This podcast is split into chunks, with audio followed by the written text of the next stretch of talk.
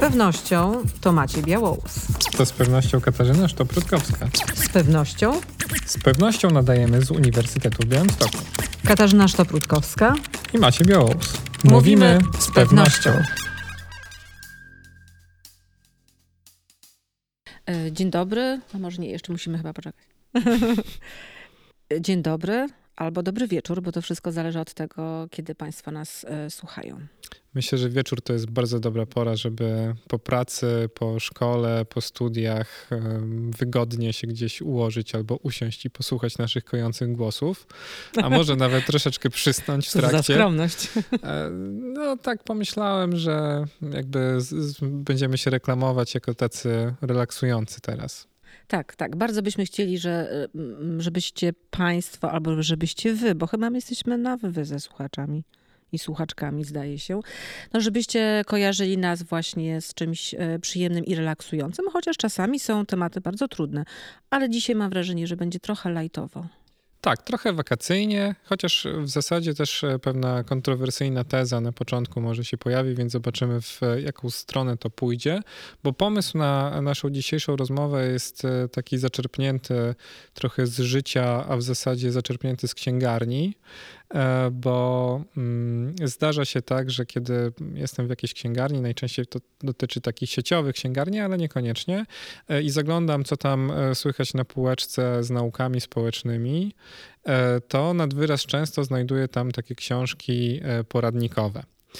I właśnie chciałem e, z Tobą porozmawiać o takich poradnikach dzisiaj, bo mam, powiem szczerze, trochę problem e, Mhm. z takimi książkami. To znaczy, e, ja zazwyczaj, no nie mam bardzo dużego doświadczenia czytania poradników też. I dlatego... Ja cię zmartwię, bo ja też nie, ale okej. No ale to właśnie dlatego będziemy mogli sobie spokojnie o tym porozmawiać. Em, No ale czasami wertuję jakieś tam rzeczy, które znajdują się na półkach i, i mam takie wrażenie, że w wielu przypadkach e, no, to są takie książki, które no, nie powinny leżeć na tej półce. Mam takie poczucie trochę pe- pewnego zgrzytu czy dysonansu. Tacy intruzi trochę, tak? Którzy gdzieś tam blisko właśnie socjologii, nauk społecznych, psychologii też myślę, że chyba nawet bardziej y, dotyczy to kwestii y, psychologicznych. Tak, tak, czy takiej psychologii, psychologii społecznej też często, Mhm. e, tak, czyli takich zachowań naszych w kontekście społecznym. No, no intruzi to jest dosyć mocne słowo, e, być może nawet zasadne, ale e, w każdym razie chciałem opisać to w jakiś sposób, bo e, no, ma- mam często wrażenie, że to jest takie, takie dwustustronicowe horoskopy. E, To znaczy, to są książki, które są tak ogólnie napisane, że oczywiście każdy może tam znaleźć coś dla siebie, Natomiast tak naprawdę one ni- nic tak głębszego o świecie nie mówią. I mam wrażenie, że wręcz odwrotnie, że czasami one mogą być szkodliwe w takim sensie, że e, właśnie oferują nam taką pewną obietnicę, że e, za pomocą tak zwanych kilku prostych trików, prawda, e, nagle nasze życie odmieni się na, na lepsze, będziemy super zorganizowani, będziemy mieli sukcesy w życiu zawodowym, prywatnym, miłosnym, seksualnym i tak dalej, w każdym, pod każdym względem. A wydaje mi się, że nawet o ile e, rzeczywiście czasami to niektórym może pomóc, to może też wytworzyć takie złudne przekonanie, że życie rzeczywiście jest takie proste i da się e, wszystko poukładać e, sobie bardzo, ba- bardzo łatwo i bardzo elegancko. I w ten sposób też niejako takie książki trochę podkopują autorytet w ogóle nauk społecznych czy humanistycznych, mówiąc, że w zasadzie e, po co te jakieś refleksje, prawda, po co te dzielenie włosa na czworo, po prostu stosuj się do moich trzech złotych Tak, rad, a twoje życie jakaś, tak, na będzie pełne sukcesu. Mhm. No i chciałem zapytać, Mhm. czy tylko ja mam problem z e, poradnikami, czy może e, podzielasz moje zdanie tutaj? No trochę cię zmartwię, bo zazwyczaj chyba się nie zgadzamy ze sobą e, i to jest takie fajne. Natomiast e, ja też mam problem. Też mam problem z e, poradnikami. Bardzo też dużo ich nie czytam, ale one są intrygujące, dlatego że bardzo często są na pierwszych, na pierwszych miejscach na listach bestsellerów, tak? I tych poradników naprawdę bardzo dużo się sprzedaje. No właśnie, i dlaczego tak jest? Też mi powiedz. No, ja myślę, że na pewno wynika to z, z tego, że ludzie potrzebują wiedzy i odpowiedzi na pytania, które ich nurtują.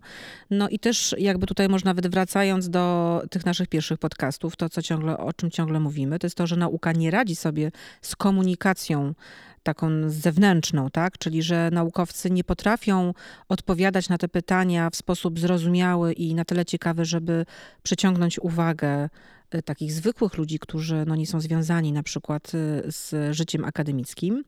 No ale myślę, że też i tutaj chciałabym nawiązać do takiej książki, którą chciałabym, o, dzisiaj chciałabym o niej powiedzieć, ale jako właśnie tylko i wyłącznie tło. Tomasz Markiewka napisał bardzo taką ciekawą książkę Gniew, w której bardzo wiele jest o poradnikach. Jest to bardzo poważna książka. E, ale bardzo dobrze też napisana swoją drogą w sam raz na nasz podcast kiedyś. Tak, wydaje mi się to w ogóle chyba była jedna z takich, jedno z takich największych wydarzeń chyba e, takich e, książkowych, jeżeli chodzi o nauki społeczne w poprzednim roku, prawda? Tak, myślę, Bardzo dużo tak. się mówiło o gniewie i oczywiście to jest, to jest książka o czym innym przede wszystkim, no ale rzeczywiście tam te wą- ten wątek poradnikowy też się pojawił w takim kontekście szerokim. Tak, bardzo, tak, prawda? tak, bo właśnie wbrew pozorom ten gniew i te poradniki mają ze sobą bardzo dużo wspólnego i on zwraca uwagę na to, że poradniki są bardzo ważnym narzędziem ideologicznym, jeżeli tak można powiedzieć. Bo y, zwrócił uwagę, że poradniki nie są takie niewinne, jak nam się wydają, tylko współuczestniczą teraz będzie e, trudne zdanie, w legitymizacji e, pewnego systemu ekonomicznego, czyli kapitalizmu, czy też pewnej konstrukcji ideologicznej, która stoi w tle, czyli neoliberalizmu. I takiego myślenia o tym, że to my jesteśmy przede wszystkim jako jednostki odpowiedzialne za to, co czujemy, co myślimy, jak nam się życie układa, jakie mamy sukcesy i porażki, a nie system, w którym funkcjonujemy. E, I Markiewka bardzo słusznie uważam zresztą, zwraca uwagę na to, że my już nie chcemy robić żadnych żadnych rewolucji, dlatego że bardzo się skupiamy na sobie i e, ci, którzy będą czytali o mindfulness i o dobrej organizacji pracy, no nie pomyślą o tym, że ich problemy, ich zmęczenie, e, ich różne wyzwania, które mają w głowie, wynikają nie z tego, że są tacy niedoskonali, że potrzebują się udoskonalać, tylko z systemu, w którym funkcjonujemy i który nie jest właśnie doskonały. Więc te poradniki trochę albo nawet nie trochę, sprawiają, że no my nie mamy już ochoty na rewolucję bo my jesteśmy tak bardzo zajęci sobą i, i, polepszaniem swojego życia. On tutaj używa też e, bardzo takiego fajnego sformułowania etyka indywidualnej odpowiedzialności. To tak będzie już e, bardzo poważnie. I właśnie zwraca uwagę, że neoliberalizm jest oparty o tą etykę, czyli to są pewne uzasadnienia i to takie właśnie w kontekście nawet moralnym, które mówią o tym, nie patrz na system, nie patrz na warunki pracy, w, którym jesteś, w których jesteś, w których funkcjonujesz, popatrz na siebie, bądź lepszym pracownikiem, tak, bądź bardziej efektywny. E, I, e, no i to jest po prostu odpolitycznianie stresu. To też jest sformułowanie, które się pojawia w tej książce. I moim zdaniem to pokazuje taką ciemną stronę poradników. To znaczy, że tak jak powiedziałam o tych intruzach na początku, e, tak naprawdę ci intruzi mogą być bardzo niebezpieczni dla naszego życia i dla naszego systemu społecznego. Nam się po prostu może nie chcieć zmieniać tego systemu. No i popatrz, miał być lajtowy temat. Ale zaraz będzie lajtowy, włączyliśmy, włączyliśmy, wytoczyliśmy natomiast tutaj e, najmocniejsze działa. E, działa. Rzeczywiście, znaczy ja się z tobą zgadzam i tutaj też podkreśliłbym, że jakby ta etyka osobistej odpowiedzialności to jest rzeczywiście pewien um, zestaw wartości, który często nam towarzyszy, tak? Znaczy my jesteśmy przekonani, że właśnie to my, prawda, jesteśmy od początku do końca kowalami e, swojego losu. Mhm. Myślę, że jeżeli chodzi o ten nasz polski krąg kulturowy, my jesteśmy cały czas jeszcze jakby zapatrzeni na taki amerykański mit amerykańskości, prawda? I ten amerykański sen, który przez wiele dekad e, był... Od tak, buta do milionera, tak? Tak, by, był, dokładnie, więc, e, więc też chcieliśmy tak. Natomiast e, tutaj oprócz tego ja bym podkreślił, że szczególnie chyba niebezpieczne właśnie jest też takie nakręcanie tej spirali optymalizacji. To znaczy, my musimy być coraz bardziej wydajni, musimy być coraz bardziej mhm. optymalni, musimy być coraz bardziej produktywni. E, I... Ta granica doskonałości ciągle się nam przesuwa, prawda? I ciągle jakby jesteśmy niezadowoleni z tego, I ona jest. nie ma końca na nie dobrą sprawę, tak? Nie Bo ma. E, jeszcze jakby pół biedy, gdyby te poradniki nam powiedziały, dobra, wystarczy, w pewnym momencie wystarczy już, tak? Natomiast generalnie rzecz biorąc nigdy nie wystarczy. To znaczy zawsze można być jeszcze bardziej sprawnym, jeszcze bardziej e, właśnie produktywnym, jeszcze, jeszcze człowiekiem jeszcze większego sukcesu. To jest w ogóle ta słynna narracja, prawda? Gdybyście wstawali wcześniej rano, prawda, pracowali trochę pilniej, to dzisiaj byście byli e, e, bogaci. E, tylko, że pro, problem polega na tym, że ci bogaci są coraz bogatsi i co, co chwilę możemy podawać przykłady coraz większych, e, wpływowych e, krezusów, którzy jakoś organizują naszą zbiorową wyobraźnię. Dzisiaj takimi ludźmi są, są nie wiem, osoby typu Mark Zuckerberg, czy Jeff Bezos, czy Steve Jobs. Czy Elon Musk na przykład, mm. prawda? No ale jeżeli też popatrzymy na ich biografię, to bardzo często okazuje się, że była tam, było tam coś więcej niż, niż tylko indywidualna charuwa, ale na przykład były inwestycje rodzinne, były...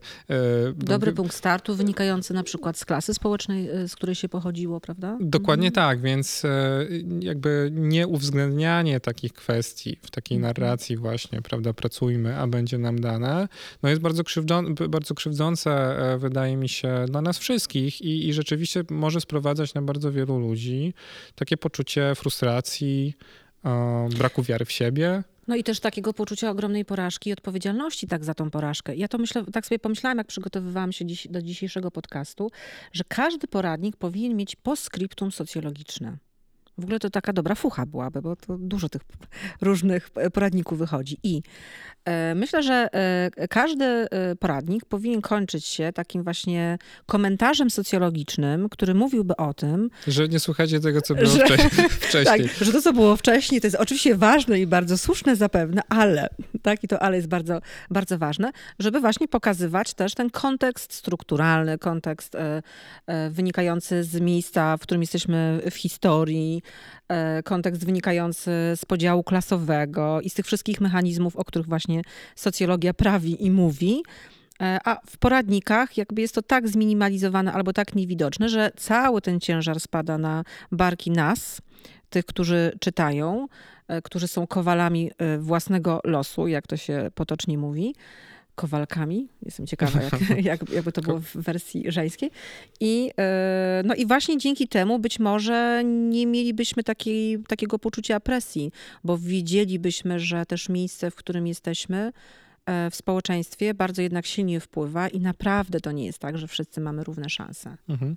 I to też jest ciekawe, bo wydaje mi się, że ta presja nawet e, może być widoczna i odczuwalna przez kogoś, kto nie czyta w ogóle poradników, tylko przez sam fakt, że te poradniki wszędzie są, że właśnie one się pojawiają na listach bestsellerów. Że to są... się wydaje takie łatwe, żeby ten sukces osiągnąć, tak, prawda? Tak, i że tak. wszyscy powinni, prawda, z tego korzystać, skoro tak. wystarczy, prawda, e, znowu, e, to jest takie wpędzanie w poczucie winy. E, przecież ja mógłbym być człowiekiem sukcesu, tylko muszę po prostu kupić książkę i przeczytać, mhm. prawda? Dlaczego ja tego nie robię? Być może jestem przegrywem, być może jestem nieudacznikiem, prawda? Więc mm. oczywiście jakby to też jest ciekawe samo w sobie, że, że ten rynek też taki poradnikowy, e, rynek e, taki coachingowy też, coaching sukcesu, coaching kariery, no to jest wszystko przecież bardzo też poważna branża e, gospodarki obecnie, prawda? No I... myślę, że taka nawet rozwijająca się, bym powiedziała, wciąż, prawda? No bo to jest, no właśnie, bo to jest podstawa, chyba weszłam ci w słowo, to jest właśnie podstawa też jakby tego Y, uzasadnienia moralnego y, kapitalizmu, którego, y, no, którego jesteśmy świadkami, w którym żyjemy, tak?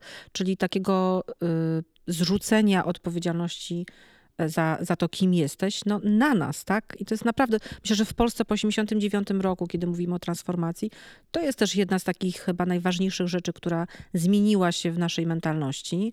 E, I te słynne szczęki e, pod Pałacem Kultury były takim synonimem tego radzenia sobie tego, tej, to słowo przedsiębiorczość.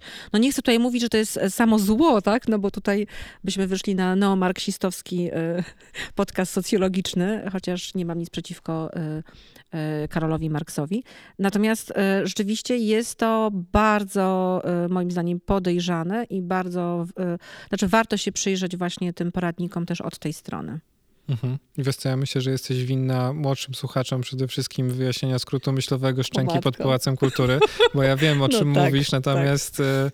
nie chodzi o tak. szczęki rekina. Dro, ani... Drodzy młodzi słuchacze, drodzy młodzi, tak, e, szczęki, szczęki pod Pałacem Kultury to jest dla mnie taki obraz, który mam w sobie, zapewne to są jakieś zdjęcia, które widziałam, I to są takie po prostu mini sklepy, które powstawały na początku lat 90., kiedy Polska przechodziła transformację, gdzie każdy mógł zostać przedsiębiorcą i każdy chciał mieć swój własny biznes i sprzedawał cokolwiek, komukolwiek, właśnie w takich warunkach e, bardzo e, polowych, bym powiedziała.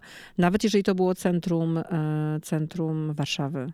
Nie wiem, czy to teraz jest bardziej zrozumiałe. No chyba tak. No szczęk, nazwa szczęki wzięła się od, takich, od takiego budyneczku blaszanego, który można, tak, takiego blaszanego kiosku, który się otwierało tak, i zamykało, tak, prawda? Więc, tak, to, tak, tak. e, więc to jest ta nazwa. A ja ostatnio z kolei widziałem zdjęcia, a propos, bo mamy też wielu słuchaczy z Białego Stoku i my nadajemy z Białego Stoku, mhm. więc e, warto o tym powiedzieć. E, wszyscy białostoczanie znają ulicę Suraską, która odchodzi od e, rynku Kościuszki, czyli głównego e, punktu w centrum miasta i e, ja rzeczywiście dzięki temu zdjęciu sobie przypomniałem, bo byłem wtedy małym dzieckiem i zupełnie to wyparłem, że cała ulica Suraska też była bardzo szczelnie e, wypełniona wzdłuż e, szczękami. E, Czyli takimi straganami też. Tak, o właśnie, to tak, też to stragany, słowo. Tak, tak, tak, ale takie bardzo właśnie 90sowe. E, tak.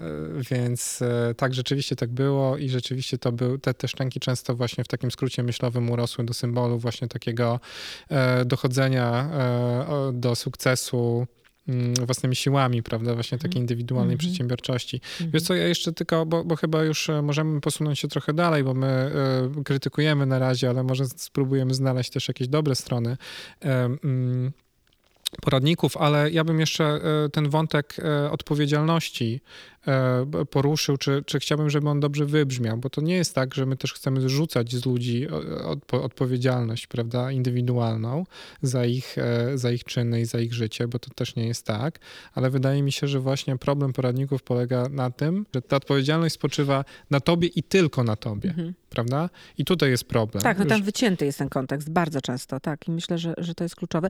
Ale to jest właśnie, poradnikom brakuje wyobraźni socjologicznej. To jest to, o czym mówimy bardzo często e, na socjologii wykładając, ale też e, w tym podcaście, czyli jakby zobaczenia tego swojego losu, tak, tej swojej biografii na tle jednak szerszym.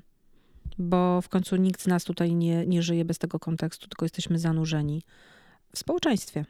Ależ socjologiczna puenta nam wyszła. Wspaniale. To co? To, y, to tak, Maciek poprosił mnie przed podcastem, żebym przygotowała jakieś y, poradniki, które y, czytałam, z których jestem zadowolona i które mogłabym poradzić. Jakbyś mógł mi podać tam tą książeczkę na samym końcu, o właśnie, to ja, ja ponieważ wiecie, socjologowie to lubią skalę mieć, bo to tak jak w badaniach, tak? No to ja zrobiłam w formie skali, to znaczy tak, mam pierwszy poradnik, który, e, o którym bardzo dużo słyszałam i bardzo wiele mi mówiło, koniecznie musisz ją, ją tą, nie, tę książkę przeczytać. E, I to jest Dawida Alena Getting Things Done, czyli sztuka bezstresowej ef efektywności. To jest taka straszna okładka. Opowiedz o niej, to jest wspaniała to jest straszna okładka. okładka, gdzie jest oczywiście mężczyzna, który jest e, biznesmenem, jest w e, garniturze, ma obrączkę widoczną, jest dobrze ubrany, ma jest okulary. Jest człowiekiem sukcesu. Jest człowiekiem, ma zdecydowanie sztuczne zęby, albo przynajmniej wybielone. I wygląda po prostu jak milion dolarów, tak? E, no i to jest taka, e, taka książka i taki poradnik, który jest bardzo popularny. To jest bestseller, światowy hit jest napisany. Bestseller z list e, Amazon.com, Merlin.pl, przebój księgarni OnePress.pl. No po prostu wiadomo, wszyscy czytają i, i wszyscy się do tego stosują.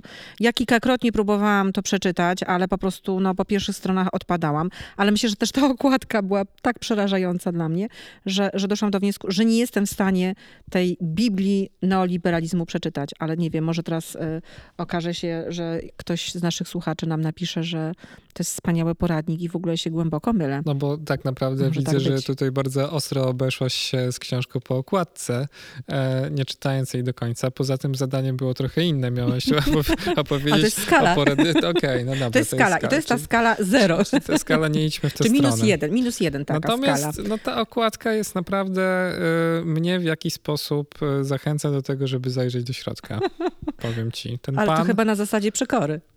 Na zasadzie takiej, e, wiesz, no po angielsku bym powiedział guilty pleasure, nie? To są takie przyjemności, które wiesz, że się źle skończą, ale jednak chcesz, chcesz tam zajrzeć. Nie, to nie? ja wolę zjeść ciastko.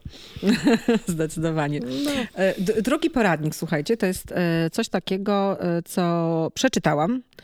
Nawet mam tutaj jakieś notatki, bo to już dosyć dawno czytałam.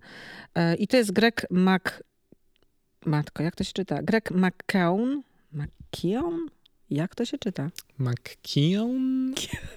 Być może? Trudno Jakiś powiedzieć. By, zapewne. Matko jedyna. Dobrze, więc e, esencjalista. E, To jest taki, e, to jest taki poradnik, no też bestseller New York Timesa, no wiadomo, brzmi to po prostu cudownie od razu, wiadomo, że trzeba to mieć. I to jest książka o tym, o takim problemie, który ja mam od wielu, wielu lat i ciągle go mam właśnie pomimo przeczytania tego poradnika, który polega na tym, że są tacy ludzie, którzy robią dużo różnych rzeczy generalnie są bardzo zajętymi ludźmi i nie potrafią się skupić na jakiejś jednej najważniejszej rzeczy albo na jakimś jednym obszarze, tak? E, I ponieważ ja mam zdiagnozowany, e, autozdiagnozowany ten problem u siebie, no to doszłam do wniosku, że to jest książka naprawdę e, dla mnie. I tu jest naprawdę bardzo dużo dobrych porad, takich znakomitych. Ja sobie wróciłam do tego i popatrzyłam, co jest e, podkreślone e, w tym poradniku.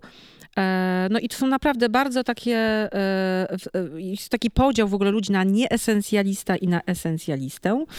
I ten nieesencjalista, na przykład, tutaj pierwsze z brzegu, myśli, że może zrobić wszystko i zastanawia się, jak może to zrobić. I też wszystko zostawia na ostatnią chwilę, po prostu uwielbiam to robić. E, I esencjalista zastanawia się, jakiego wyboru chce dokonać, zastanawia się, w czym może osiągnąć wielki sukces. Czyli to jest taki człowiek, który po prostu racjonalnie podejmuje decyzje, panuje nad wszystkim. Myślę, że to jest też w ogóle takie bardzo ważne w tych poradnikach, że ma się tą wspaniałą, łudną, e, łudne poczucie kontroli nad rzeczywistością, tak? Mhm. Ale poczekaj, czy to e, wszyscy ludzie, można, wszystkich ludzi można podzielić na te dwie kategorie? Tak, tak. To ja w takim razie... Jesteś po środku? Ja, ja nie wiem, gdzie jestem. Znaczy, no, gdzie, gdzie są na przykład ludzie, którzy chcą mieć święty spokój w życiu po prostu Są i poza, chcą się są dobrze poza wyspać. nie? skalą. Są poza skalą. mój Ojej, no to, to, to jest problem. To może właśnie to jest ten problem, że ja nie jestem targetem... E...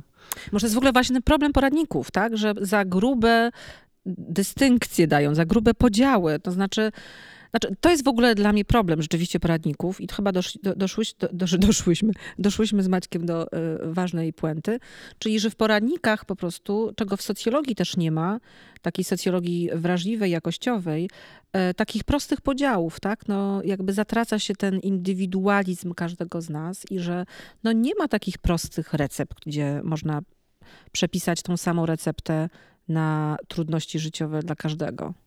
A trochę poradniki są. Tak, i chyba, wyjściem. i chyba o, o tyle, o ile właśnie ja mam prawo w ogóle mówić o, o poradnikach, które znam em, dosyć pobieżnie, jeżeli chodzi o gatunek, to one właśnie cierpią na taką chorobę właśnie kategoryzacji. To znaczy bardzo lubią dzielić ludzi na typy, na kategorie, na takie rozłączne e, grupy jakieś, podczas gdy ja, ja z kolei właśnie na przykład upra- starając się uprawiać jakąś refleksję naukową, to znaczy robiąc jakieś badanie czy pisząc o tym, staram się za wszelką cenę unikać takich kategoryzacji i o wiele częściej właśnie stosuję tak zwane kontinua, czyli właśnie takie skale, które są rozpięte pomiędzy jakimiś skrajnymi na przykład postawami, ale, ale w związku z tym e, pewnych ludzi czy pewne opinie, prawda, gdzieś na tych kontinuach można zawsze umieścić, ale w taki sposób, żeby nie dzielić ich na, na takie szufladki, na Tak koszyki. zero-jedynkowo. Tak, Mhm. bo to jest zawsze właśnie coś, co dobrze może wygląda na kartce, tak, bo można sobie wypunktować albo zrobić jakąś tabelkę, natomiast o wiele gorzej chyba przystaje do rzeczywistości. Ja myślę, że to też jest ta różnica między nauką a takim myśleniem potocznym, tak? Że w tym myśleniu potocznym no bardzo jednak upraszczamy rzeczywistość, a w nauce y, też często słyszę, że socjologowie zwłaszcza, że albo psychologowie, że to po co wy komplikujecie, tak? No właśnie po co dzielicie włos na, na czworo? E, No a rzeczywistość jest rzeczywiście taka, jak na Facebooku możemy napisać o naszych związkach, że it's complicated, tak? Czyli no, to nie, nie ma tutaj takiej prostej odpowiedzi, a ludzie potrzebują takich prostych odpowiedzi. Dlatego te poradniki są na bestsellerach, e, na listach bestsellerów, a nie nasze prace naukowe, przypuszczam. To Mhm. też jest jedna z przyczyn. Mhm. Ale na koniec, ponieważ to jest jednak Nie, nie, nie, kontinuum, jeszcze esencjalista, bo na razie znowu Aha. wychodzi na to, że, e, że, że tutaj e, się troszkę pastwimy nad e, kolejną książką. Aha, no Powiedz tak. o jakiejś dobrej radzie na przykład, albo em, Mhm. nie wiem, jakimś fajnym rozdziale, który w tej książce znalazłaś, no bo widzę, Mhm. są notatki, są jakieś karteczki poprzyklejane. Tak, tak, tak. Tak się przygotowałam. Więc No na przykład y, to, co mam na, na, na, niebiesko podkreślone akurat w tej książce. Bo tak, bo masz rację, rzeczywiście, tak jak Getting Things Done po prostu odrzuciłam po okładce, tak y, tutaj jednak przeczytałam y, i doszłam do wniosku, że było to wartościowe, chociaż problem jednak u mnie pozostał. Na przykład są bardzo fajne pytania, które warto sobie zadać. I teraz jak je czytam bez kontekstu, to one będą brzmieć, brzmieć bardzo banalnie. Aż się wstydzę, ale Kiedyś nazywałam siebie białostockim Coelho i myślę, że mogę sobie na to pozwolić. Co mnie najbardziej inspiruje? Na przykład. To jest takie pytanie banalne, ale to jest bardzo ważne pytanie moim zdaniem. W czym jestem szczególnie utalentowany albo utalentowana? Jakie moje działanie może zaspokoić istotną potrzebę w otaczającym mi świecie? Uff, mocne. E, ale to są takie trzy pytania, które uważam, że naprawdę warto sobie zadawać znaczy, ja jestem w ogóle pasjonatką pasji, to znaczy uważam, że warto iść za tym, co ciebie bardzo pociąga, nawet intuicyjnie, co jest właśnie, wzbudza w tobie jakieś emocje. I y, warto skupiać się też, poświęcić czas właśnie na to, co ciebie dotyka. Tak? Y, I to są takie wybory, i właśnie tutaj jest jeszcze taki jeden cytat też trochę ala białostocki Coelho, e, ale to jest e, nie mój, tylko esencjalista. Aby zdobyć się na odwagę i wejść na właściwą drogę, musimy najpierw zdać sobie sprawę z tego, jak krótkie jest ludzkie życie i co tak naprawdę chcemy osiągnąć w czasie, który nam został. O matko. Strasznie to brzmi, no ale... to jest właśnie... Tak. Dla ale to jest, bardzo, to jest ale to jest bardzo poradnikowe, nie uważasz? Jest, ale właśnie to jest takie już dla mnie Coelho łamane przez horoskop. To znaczy tam w zasadzie każdy może dowolną e, treść w to wlać. I no okej, okay, znaczy też... Ale to są ważne pytania. Znaczy myślę, że akurat... Y, myślę, że takie pytania warto sobie zadawać, ale jeżeli ktoś już nam podaje odpowiedzi w takim poradniku, no to moim zdaniem już jest o jeden most za daleko. Tak, znaczy dokładnie chciałem to, to, to powiedzieć. Mm. Znaczy wydaje mi się, że to jest fajne, e, bo w ogóle ja bardzo szanuję taki proces autorefleksji, to znaczy to, że my zastanawiamy się nad tym, co robimy, zastanawiamy się nad tym, co czujemy, prawda, zadajemy sobie sami pytania, żeby na nie odpowiedzieć. Oczywiście czasami jest to trudne, czasami jest to frustrujące, szczególnie jeżeli nie znajdujemy odpowiedzi na pytanie, dlaczego się zachowaliśmy w jakiś sposób w określonej sytuacji, prawda, ale e, no właśnie takie zachęcanie do zadawania sobie pytań, myślę, że to jest świetne. Natomiast gorzej jak przychodzą e, zaraz potem takie proste odpowiedzi. Tak, tak. No ale dobrze, to mogę już zakończyć moje kontinuum pozytywnym przykładem. Tak, czyli Poproszę. teraz roz, rozmawiamy o. Tak, teraz rozmawiamy o książce, która na mnie zrobiła ogromne wrażenie ostatnio. E, I ty powiedziałeś, że to jest poradnik. To jest bardzo ciekawe, bo ja w ogóle nie myślałam, że to jest poradnik, ale okej. Okay. Znaczy, ja ci powiem, dlaczego powiedziałam, no. że to jest poradnik. Dlatego, że na przykład w katalogu Empiku, czy też tanie mhm. książki, te, ta książka, o której zaraz powiemy, znajduje się w kategorii poradnik, czyli o, tak jest ciekawe. sprzedawana po mhm. prostu. Okej. Okay. I to jest książka Natalii de Barbaro, Czuła przewodniczka, Kobieca droga do siebie, z piękną okładką tym razem. E, jest taka e, pani z kwiatami, ponieważ ja bardzo lubię kwiaty, to e, bardzo mi się to spodobało. No jest różowe to wszystko jest, więc tym bardziej lubię. E, I to jest książka napisana przez psycholożkę Natalię de Barbaro. Ja też mam bardzo osobisty stosunek do książki, bo Natalii znam. Byłam też na takich warsztatach dla kobiet, które ona prowadzi, Własny Pokój. I to jest książka, która opowiada o kobietach, współczesnych kobietach, o tym wnętrzu, kobiet, y, ale na szczęście, bo tak się właśnie nad tym zastanawiałam w kontekście Markiewki i tego, o czym on pisał i jak krytycznie spojrzał na poradniki, nie zatrzymuje się tylko i wyłącznie na y, kwestiach życia wewnętrznego kobiet, y, ale również wskazuje i pokazuje, że to, co się dzieje w środku kobiet, na razie tak ogólnie powiem, no właśnie wynika z systemu wartości, systemu władzy, władzy, w którym żyjemy. To, co y, nazywamy patriarchatem. E, I y, Natalia de Barbaro mówi tutaj, nie będę oczywiście opowiadać, bo nie wiem, czy można opowiedzieć poradnik, ale e, to, co mi się podoba, i to jest w ogóle też bardzo ciekawe, bo to bardzo rezonuje wśród kobiet, nawet wśród niektórych mężczyzn, z tego co wiem. Ja też wiem, że ty przeczytałeś e, ten poradnik I e, to też jest na liście bestsellerów absolutny numer jeden w bardzo wielu miejscach w Polsce, że e, mamy w, w sobie bardzo często takie trzy postacie. Królową śniegu, potulną i męczenicę.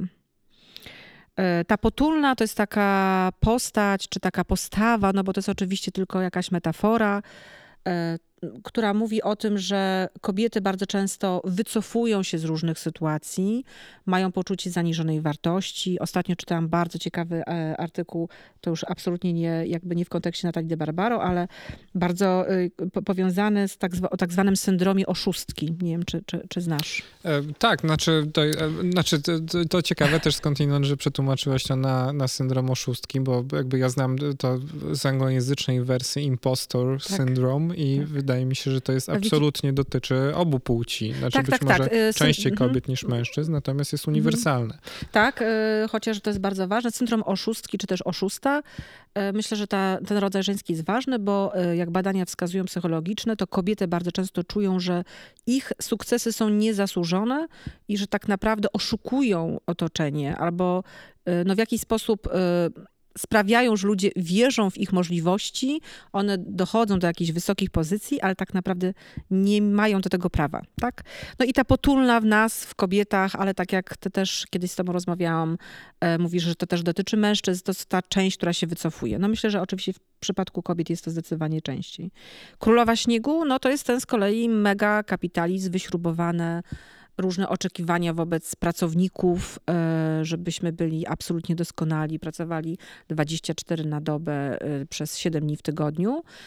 E, I ta królowa śniegu, no to jest właśnie taka zimna, która nie ma też emocji, no bo emocje zawsze przeszkadzają byciem, w byciu efektywnym pracownikiem czy też pracowniczką, bardzo wymagająca wobec siebie i wobec otoczenia.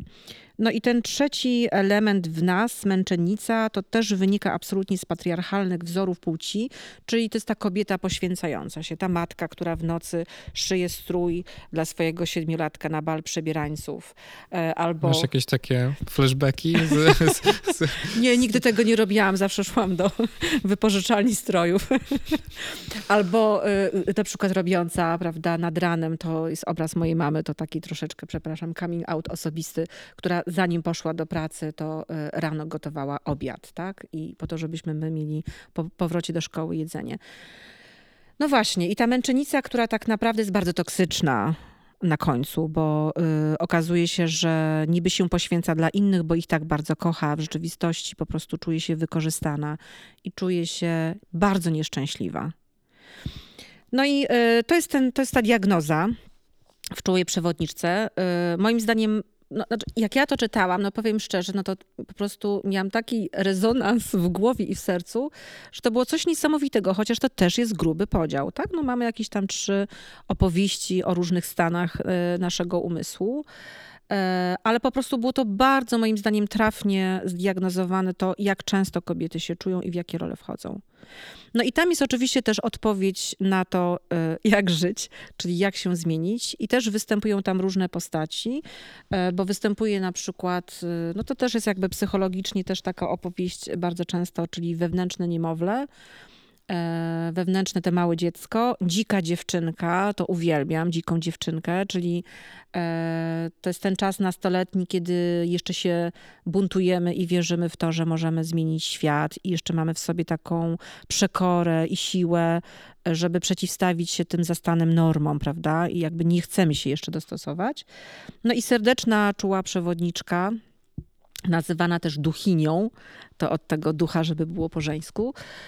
I to jest ta czuła przewodniczka, czyli to jest jakaś postać w nas też, e, która no wbrew pozorom potrafi nas poprowadzić, albo raczej może nie poprowadzić, ale e, towarzyszyć nam w przemianie wewnętrznej, żeby te trzy, o których wspomniałam na początku, te trzy postacie, czyli ta e, zimna królowa śniegu, męczennica i potulna, żeby zostały zastąpione e, taką silną, pewną siebie, kochającą siebie kobietą, czy też mężczyzną, bo tak jak mówiłam wcześniej, to też rezonuje wśród niektórych facetów. No i y, jest to bardzo dla mnie osobiście bardzo ważna książka y, w takiej mojej drodze do kobiecości, bo y, jestem w takim czasie, rzeczywiście jest to dla mnie istotne i ważne, ale to, że jest też na, na pierwszym miejscu na liście bestsellerów i też jest powstała na przykład taka bardzo duża grupa na Facebooku osób, które przeczytały tą książkę i tam bardzo dużo też jest takich różnych wynurzeń i zwierzeń różnych kobiet, jak bardzo ta książka im pomaga. E, więc na pewno coś z tą książką się takiego stało, że ona się pojawiła teraz i że tak bardzo była potrzebna tak wielu kobietom. I ja tutaj chciałabym tylko na koniec powiedzieć, że tak jak u mnie osobiście to zaszło, tak być może w takim sensie historycznym, wręcz społeczno-historycznym zachodzi, jest takie zjawisko synchroniczności Junga o którym pisał Jung i zresztą Natalia też pisze w tej książce e, o tym zjawisku synchroniczności, czyli pojawieniu się jakichś dwóch zjawisk, wydarzeń albo stanów psychicznych, które mają wspólne znaczenie, ale nie są połączone ze sobą jedną przyczyną.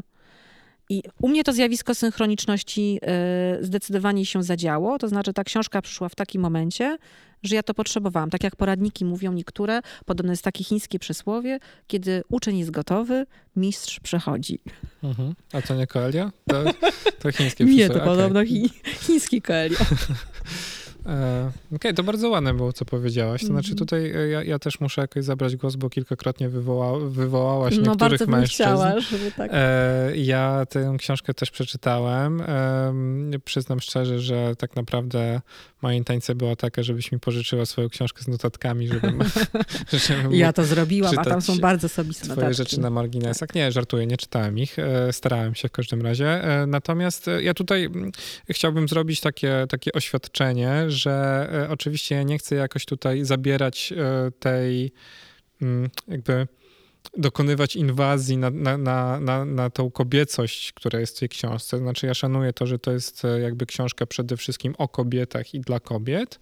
Natomiast wydaje mi się, że rzeczy, które tam rzeczywiście są napisane, są bardziej uniwersalne. To znaczy, te figury, właśnie można, wydaje mi się, dosyć łatwo też przetłumaczyć i z potulnego, z potulnej zrobić potulnego, z, z królowej śniegu zrobić jakiegoś mroźnego księcia, prawda, i tak dalej. To znaczy mhm. chodzi o to, że pewne e, figury, które, e, czy, czy pewne jakieś stany psychologiczne, które często e, w ogóle decydują o tym, jak wygląda nasze życie, jak się zachowujemy, co, co, co, co myślimy, są o wiele bardziej uniwersalne niż płeć w tym przypadku. No chociaż ja bym tutaj troszeczkę jakby broniła właśnie, że, że to bardziej jest, dotyczy kobiet, no bo mamy właśnie ten kontekst społeczny, czyli jednak w patriarchacie większość tak, kobiet ma nieuprzywilejowaną pozycję, a większość mężczyzn jednak ze względu na swoją płeć ma trochę łatwiej w pewnych przestrzeniach, tak? Pewnie... Chociaż są mężczyźni, oczywiście, których to też nie dotyczy, żeby było jasne. Tak, tak, tak. Znaczy pewnie masz rację i dlatego też e, ja, to, to, nie jest absolutnie zarzut. Ja, mhm. ja, wręcz e, w jakimś sensie się cieszę i, i szanuję to, że to nie jest właśnie poradnik dla wszystkich, tylko też mhm. jakby ta książka uczciwie mówi, że jakby jest to książka dla kobiet. Ale tutaj jeszcze, tak, i tu jeszcze jeden taki, taki, taki, y, taki znaczek powinien być, bo to jest to, o czym ty powiedziałeś mi i co było dla mnie rzeczywiście takie odkrywcze, czyli kwestia klasowości to mhm. też dotyczy innych poradników, myślę. Możesz powiedzieć? Nie chcę ci już zabierać czasu i głosu. E, wiesz co, to powiem może za chwilę, tylko jeszcze do, mhm. dokończę e, tę poprzednią myśl, bo, bo wydaje mi się, że ona też, e, ta książka nawet, jeżeli mężczy, mężczyzna, czytelnik, nawet jeżeli nie odnajdzie siebie w tej książce, to wydaje mi się, że ona jest na tyle ciekawa i na tyle rzeczywiście przemyślana, że może na przykład służyć jako taki swego rodzaju poradnik do bycia w związku na przykład, mhm. tak? do tworzenia właśnie związku z kobietą czy, czy, czy rodziny, e, tak żeby też w jakiś sposób umieć e, mm, jakby szanować swoje role wzajemnie, swoje potrzeby ta książka wydaje mi się tutaj może też e, odegrać bardzo, bardzo, bardzo dużą taką pozytywną rolę, jeżeli ktoś po prostu chce e, w ten sposób ją potraktować. Natomiast, no tak, no, no wydaje mi się, że tutaj to, czego ewentualnie by mi brakowało, to, to właśnie te wszystkie kwestie związane z klasą. To znaczy, wydaje mi się, że ta książka jest pisana oczywiście z perspektywy takiej osoby z wyższej klasy średniej i że jest kierowana przede wszystkim do kobiet z wyższej klasy średniej, bo tam wielokrotnie pojawiają się właśnie albo takie wspomnienia, reminiscencje z takich e, wydarzeń w życiu, które są bardzo typowe jednak dla osób o pewnym statusie, takich, które są dosyć zamożne, które mają takie zawody e, bardziej e, elastyczne, oparte na pracy umysłowej i tak dalej, w związku z czym miałbym chyba pewne wątpliwości, czy też wszystkie kobiety by się odnalazły w tym świecie, który jest przedstawiony e, w tej książce, ale to jest zarzut, y, wydaje mi się, drugorzędny. To znaczy, tak naprawdę myślę, że rozwiązałoby to tak naprawdę jedno zdanie gdzieś na początku czy na końcu, że to jest właśnie pisane takie z mojej perspektywy i tak jak mi się wydaje, że to nie jest książka dla wszystkich, znaczy nie wszyscy muszą się odnaleźć w tej książce, że to nie jest właśnie taki poradnik, który mi mówi, który wszystkim mówi, jak mają żyć, tylko niektórzy się w tym odnajdą, inni się nie odnajdą i też w porządku, inni mogą znaleźć jakąś inną ścieżkę. Myślę, że to by było e, jakby taka super uczciwa, super uczciwe postawienie mhm. sprawy, które by sprawiło, że ta książka jest jeszcze lepsza, bo tak naprawdę uważam, że jest bardzo dobra. Ale tak słuchając ciebie, to jest absolutnie już chyba moje ostatnie zdanie, bo zaraz przejdziemy do twojej e, listy e, specyficznych no, nie sądzę. poradników. Nawet już, tak? Okej. Okay. To, to wydaje mi się, że też e, być może jest to w ogóle cecha wszystkich poradników. To znaczy ta e, część rynku jest przeznaczona dla klasy średniej głównie. Dlaczego? Dlatego, że no właśnie zawiera w sobie obietnicę, obietnicę awansu, obietnicę ruchu na tej drabinie społecznej, więc y, myślę, że y, ten poradnik kupi tylko i wyłącznie ta osoba, która ma jakiekolwiek szanse albo aspiracje przynajmniej do tego, żeby pójść wyżej, tak, w tym, co nazywamy stratyfikacją społeczną. Więc myślę, że y, to po prostu jest domyślny odbiorca i odbiorczyni poradników wszelakich.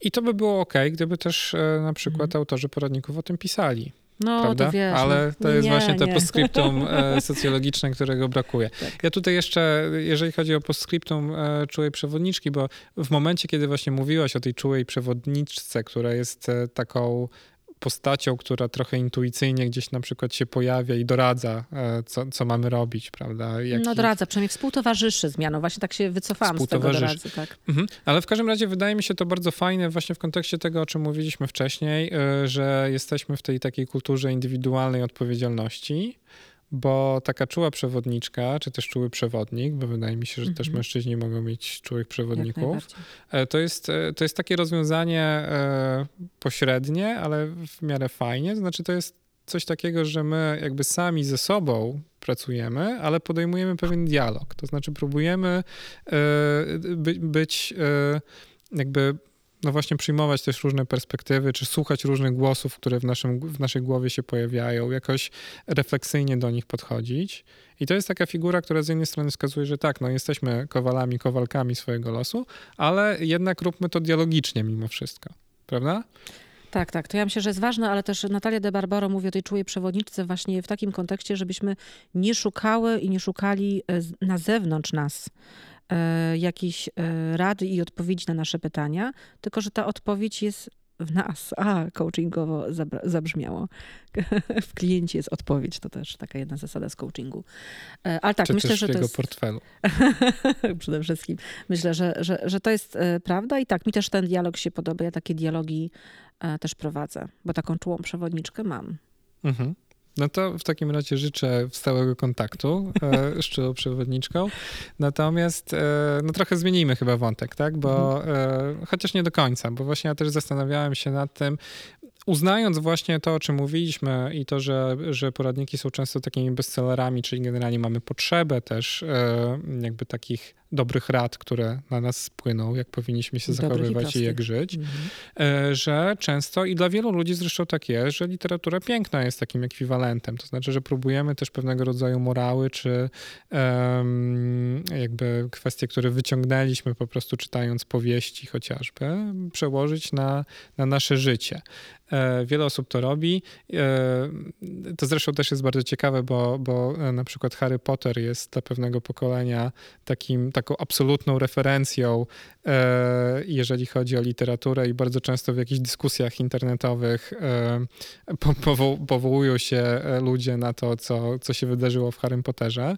Są zresztą też całe takie grupy prześmiewcze, które mówią, jakby powinniście przeczytać jakąś inną książkę jeszcze, ale do czego zmierzam? Chodzi mi o to, że rzeczywiście literatura piękna też może być i często jest właśnie swego rodzaju e, poradnikową literaturą. I ja pomyślałem trochę przewrotnie, że takim bardzo fajnym gatunkiem literackim, który możemy potraktować jako przewodnik, e, poradnik, szczególnie w kontekście takich spraw, o których mówiliśmy ostatnio, czyli różnego rodzaju zagrożeń związanych z katastrofą klimatyczną, prawda, z e, uporczywością życia w miastach i innymi takimi sprawami, są właśnie takie powieści dystopijne, które są dosyć modne obecnie, no bo też nastroje, prawda, społeczne są takie, że, że dystopie dobrze się sprzedają. Czyli mamy e, tutaj takie wyobrażone światy, które pokazują do czego, czy jakby ekstrapolują, tak, e, wyprowadzają w przyszłość, jak nasze zachowania współczesne mogą e, przełożyć się na, na takie wizje alternatywne albo wizje przyszłe e, świata, w którym żyjemy. To ty przyniosłeś dzisiaj takie książki, tak? Dwie? Trzy? Przyniosłem dwie, tak, dwie. przyniosłem dwie, chociaż oczywiście tych przykładów jest dużo mhm. więcej. Naprawdę sporo się wydaje e, na, na rynku tego i często są to też książki wbrew pozorom, bo wydaje mi się, że mm, też możemy mieć takie pierwsze skojarzenia dystopii z książkami typu 1984 e, Orwella no, albo mhm. tak, czy, czy, czy Nowym Wspaniałym Światem Huxleya, czyli właśnie z taką klasyką, która też uchodzi za książki dosyć trudne mimo wszystko, może takie też przygnębiające, nie na plaży, nie Coelho, prawda? Ale jest dużo takich książek, które są, e, wydaje mi się teraz o wiele takie łatwiejsze E, w czytaniu, bardzo nowocześnie napisane, pomimo tego, że one oczywiście o e, właśnie takich trudnych e, kwestiach tak naprawdę no to powiedz, powiedz, są, bo ja już też. Tak. One są oczywiście bardzo ładne znowu. I przeczy- tak, przyniosłem ze sobą dwie takie książki, które po prostu stosunkowo niedawno przeczytałem, więc mm-hmm. ściągnąłem je e, z, z, mojego stosiku, prawda, były gdzieś tam w miarę na szczycie, więc nie musiałem rozwalać całego mieszkania, żeby, żeby się do nich dokopać. E, I to są książki, e, no jakoś tak wyszło no, nordyckie, znaczy z północy Europy, może tak. Jedna to jest islandzka książka pod tytułem Wyspa. No i tutaj nie mam żadnej gwarancji, że dobrze przeczytam mm, imię i nazwisko autorki, ale to jest Sigridur Hagalin Björnsdottir. E, no, wydane przez. Brzmiało po islandzku. Prawda? E, wydawnictwo literackie to wydało e, w roku 2018 tłumaczył Jacek Godek. I tutaj widzimy na, na tylnej stronie okładki najważniejsza islandzka książka ostatnich lat w ogóle. Czyli wnioskuję z tego, że rzeczywiście e, była jakaś na Islandii pewnie, czy w Islandii dyskusja e, na jej temat, bo e, jest to rzeczywiście dosyć frapująca fabuła tutaj, bo generalnie rzecz biorąc mamy taką sytuację, w której z niewiadomych przyczyn, ja tutaj bardzo mm, będę się starać, żeby nie spoilerować. No właśnie, tak bardzo. tak chciałam ci powiedzieć, żebyś nie, jakiegoś tam zakończenia nie, nie opowiedział. Nie, nie, nie. Bo jest wątek kryminalny. Z tego, co widziałam. Tak? Też, tak, mhm. tak. Ale e, więc nie zdradzając za dużo, z, z, niewiadomych przyczyn w każdym razie dzieje się tak, że mniej więcej we współczesnej Islandii e, jakby wyspa staje się odcięta od reszty świata. Komunikacyjnie, ekonomicznie, handlowo, prawda, jakby nie ma. Mhm. Więc Islandczycy muszą, e, muszą poradzić sobie sami. No, dobrze brzmi. E, dobrze brzmi, ale jednocześnie bardzo źle to brzmi, tak? bo, bo pojawia się mnóstwo e, problemów, a przede wszystkim problemy z energią, problemy z żywnością, jak wyżywić e, ludzi, ale też pojawiają się tutaj właśnie, bardzo mi się to podobało, że zostały wplecione takie wątki też społeczne. Islandia jest takim krajem, do którego Polacy między innymi ich akurat Polaków tutaj w tej książce nie ma, ale są też migranci z innych krajów. Wiadomo, że Islandia była raczej celem migracji w ostatnich dekadach. No i e, nagle takie odcięcie, prawda, i sytuacja, w której może zabraknąć jedzenia na przykład, czy może zabraknąć energii, e, sprawia, że zaczynamy się zastanawiać, jakby w jaki sposób mamy to racjonować, prawda, czy według zasług, czy według, e, nie wiem, wieku, czy według narodowości może, pochodzenia. Czy Island, czy, czy żołądek Islandczyka na przykład urodzonego i od, z pokolenia na pokolenie mieszkającego w Islandii jest więcej warte od żołądka na przykład migranta, który przyjechał na Islandię, żeby pracować kilkanaście lat temu. I generalnie rzecz biorąc, ta książka tak naprawdę stawia sobie takie pytania przede wszystkim właśnie o takie kwestie związane z E, ze wspólnotą, z tożsamością, z integracją. To znaczy, rzeczywiście, czy my, e, na przykład jako społeczeństwo polskie, to też można się pozastanawiać, w sytuacji kryzysowej, prawda, jak będziemy się zachowywać, gdzie będziemy szukać e, solidarności, gdzie będziemy szukać wsparcia, na podstawie jakich wartości. Brzmi bardzo socjologicznie właśnie. Tak. Czyli to raczej, raczej to jest e, w takim kierunku, e, że to jest skomplikowane i że tutaj mamy taki szeroki kadr, tak? I widzimy te różne zjawiska społeczne, a tak, bo jak w takim poradnikowym obiektywie, to, to jest tam rzeczywiście taka odpowiedź jak żyć, czy bardziej trochę to, jest, jest poradnikowe? Trochę jest, znaczy mhm. trochę jest, chociaż właśnie ja tutaj nie mogę za mhm. dużo powiedzieć, żeby fabuły nie... E, mm, nie zdradzać za bardzo, ale ta książka, bo ja, ja mówię, że rzeczywiście wjechałem na taki e, plan socjologiczny, bardzo mhm, szeroki, bo, mhm. e, bo to mnie jakoś najbardziej interesowało, ale ta książka jest o konkretnych ludziach i o konkretnych sytuacjach i o konkretnych wyborach, które musieli podejmować e, i te wybory okazywały się dobre, znaczy dobrych to nie było, ale mniej lub bardziej mhm. dramatyczne w skutkach i w związku z tym wydaje mi się, że to jest swego rodzaju właśnie taki poradnik, też pokazujący jakby jak ważna jest jak ważna jest wspólnota, jak ważne są wspólnoty różnego rodzaju i komu powinniśmy ufać na przykład, prawda? Albo w jaki sposób powinniśmy e, aktywnie podchodzić do rzeczywistości, bo jeżeli będziemy zbyt pasywni, to e, może to się skończyć dla nas źle. E, tak więc to jest też swego rodzaju, wydaje mi się, poradnik na takim poziomie indywidualnego naszego życia. No I... też trochę takiego, przypuszczam, poruszenia wyobraźni. Trochę mi się to kojarzy z tym wątkiem role-playing games, o których mówiłeś na jednym, w jednym z odcinków naszego podcastu, że to też jest taka formuła, co bym zrobił, gdybym był tam, na tej wyspie w tym momencie, tak? Co bym zrobiła. E, I wydaje mi się, że to jest taki poradnikowy, znaczy w takim sensie, że nasza wyobraźnia realizuje pewien scenariusz, tak? I zastanawia się... Y jakby się zachował, tak? Czy jakby się zachowała. Dokładnie tak, tak. Mhm. I d, d, właśnie o to chodzi. I wydaje mi się, że takie wzory, które sobie właśnie poprzez takie eksperymenty myślowe, e, które nam wyjdą w głowie, możemy stosować e, w życiu już teraz. Znaczy nie musimy mhm. czekać na katastrofę, prawda? Tylko możemy zachowywać się mm, jakoś być może bardziej odpowiedzialnie, właśnie bardziej dospołecznie, bardziej ludzko mhm. e, tu i teraz. E, więc e, oprócz tego to jest bardzo fajne takie czytadełko, wydaje mi się też e, właśnie na wakacje, które się zbliżają. I bardzo ładna okładka, no nie wiem, zawsze na to zwracam uwagę, bardzo mi się podoba. No ładna, tak, to prawda. I druga, i druga książka to z kolei jest napisane Wydarzenie literackie 2017 roku w Szwecji. Mhm. Więc też książka, która jakimś szerokim echem się w Szwecji E, od obiła.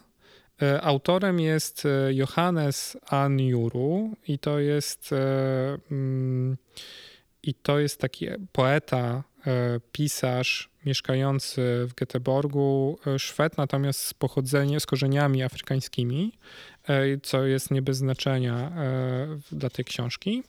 Wydała, wydało to wydawnictwo Pruszyński Spółka, przełożyła Dominika Górecka. I to jest z kolei taki bardzo ciekawy, e, bardzo ciekawa wizja świata, e, taka dystopijna, w której e, pewne wydarzenie, to znaczy taki te terrorystyczny atak zamachowców islamskich, radykałów, e, powoduje e, takie przesunięcie się polityki całej w Szwecji, która idzie w stronę takiego autorytarnego, żeby nie powiedzieć faszystowskiego, e, rasistowskiego państwa, które segreguje swoich obywateli bardzo brutalnie, gdzie no, w zasadzie nie ma miejsca już dla ludzi, którzy nie są takimi Szwedami, e, prawda, z krwi i kości znowu. E, I to też jest w takim sensie e, podobna książka, ponieważ ona też wydaje mi się bardzo mocno porusza takie kwestie wspólnoty i tożsamości. E, ona jest ciekawa też socjologicznie, ponieważ z jednej strony właśnie ona krytykuje bardzo i taki islamski radykalizm i też postawę europejskich państw na przykład wobec islamu, czy wobec uchodźców, tak, czy utożsamiania uchodźców z terroryzmem. Tam jest dużo takich niuansów politycznych, które wydają mi się ciekawe ciekawe, ale też na takim poziomie poradnikowym znowu one stawia, ta książka stawia bardzo fajne pytania na temat wspólnoty. To znaczy, czy możemy czuć wspólnotę z osobą, która ma inny kolor skóry, która wyznaje inną religię, e, która ma inne pochodzenie? E, czy powinniśmy raczej trzymać się tak homogenicznie grupy osób, które wyglądają podobnie, prawda, którzy, z którymi mamy jakieś takie e, prawda, kulturowe powiązania bardziej. Komu zaufać, e, w jaki sposób powinniśmy budować te relacje. To są takie rzeczy, które te, ta książka też porusza, wydaje mi się, w bardzo ciekawy sposób, bo też jest to taki na, na poziomie narracji, e, trochę e, kryminał, trochę thriller, trochę science fiction. E, jest tam wszystko, więc też bardzo fajnie się to czyta. Jest to inteligentne, wydaje mi się, i też no, społecz, jakby otwiera właśnie taką wyobraźnię społeczną po raz kolejny. Nie wiem, czy wiesz, Maćku, ale nie powiedziałeś jeszcze tytułu tej książki. Ha! No proszę. Jak, jak nie wiedziałam, kiedy mam ci przerwać. W każdej chwili. E, tytuł, tak. Utonął we łzach swoich matek. Johannes Aniuru. Bardzo, bardzo ciekawe i ja bym powiedziała, że w tym, co przedstawiłeś ty i w tym też, co ja powiedziałam, y, y, jest taka jedna rzecz, która łączy te nasze spojrzenia, to znaczy, że dobry poradnik, chociaż tak naprawdę to może dotyczyć dobrej literatury generalnie, to jest taki, e, który zadaje dobre pytania i ważne pytania, a nie daje jednoznacznych odpowiedzi. E, bo myślę, że e, w czułej przewodniczce, która dla mnie byłaby przykładem jednego z nielicznych czyli y, poradnika takiego właśnie, do, do którego dobrze oceniam, no o tej literaturze, o której ty, ty mówisz, zapewne też to można powiedzieć, że tam są ważne pytania, ale nie ma takich no prostych, żeby tak powiedzieć, nawet prostackich czasami odpowiedzi.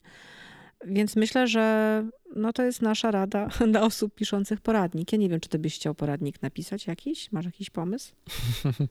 nie, no bym zaprzeczył swojej, swojej serdecznej niechęci do, do poradników. Chociaż jakiś antyporadnik. Jakiś antyporadnik Taki socjologiczny właśnie, tak? Że wszystko jest skomplikowane i nie ma jednoznacznych odpowiedzi. Na każdej stronie byłoby to zależy. Kurczę, Czyli a nasz nie, niedoszły tytuł naszego podcastu. tak, tak, ale przypuszczam, że niestety byłoby na półce przecenione. A nie lista bestsellerów. No zdecydowanie, dlatego, dlatego póki co się tego nie podejmę, ale też już nie brnijmy może w takie e, jakieś dziwne, e, dziwne plany, bo to, co powiedziałaś, wydaje mi się też świetną puentą e, naszej dzisiejszej rozmowy. Tak więc stawiajmy sobie pytania, szukajmy na nie odpowiedzi, ale samodzielnie chyba, tak? Unikajmy, unikajmy prostych rozwiązań, z pewnością. Tak jest. To taka nasza prosta rada dla wszystkich, którzy nas dzisiaj e, słuchali. Dobrze, to był odcinek pełen paradoksów i wewnętrznych zaprzeczeń, ale myślę, że e, mam nadzieję, że Państwu się podobało, że Wam się dobrze słuchało. To trochę dlatego, że wakacje się zbliżają już pewnie. Tak, dzisiaj jest cieplutko. Nie, nie jesteśmy tak zdyscyplinowani e, intelektualnie jak jak we wcześniejszych miesiącach. Na samo zakończenie chcielibyśmy oczywiście podziękować naszym realizatorom. E, Tomasz. E, co ja mówię? E, wreszcie, wreszcie to nie ja się pomyliłam. Tak, nasi, to przez markiewkę, bo tak, patrzyłem akurat na Nasi realizatorzy, czyli Michał Dąbrowski, Michał Szanowski, nie Tomasz, tylko Michał. No i oczywiście Dorota Sawicka. To jest cała ekipa Uniwersyteckiego Centrum Podcastów. Bardzo dziękujemy. Na końcu świata. Tak jest. Do zobaczenia i do usłyszenia przede wszystkim. Do usłyszenia. Z pewnością to Maciej Białous. To z pewnością Katarzyna Sztoprutkowska. Z pewnością? Z pewnością nadajemy z Uniwersytetu w Białymstoku. Katarzyna Sztoprutkowska i Maciej Białous. Mówimy, z pewnością. Uniwersyteckie Centrum Podcastów na końcu świata. Zapraszamy.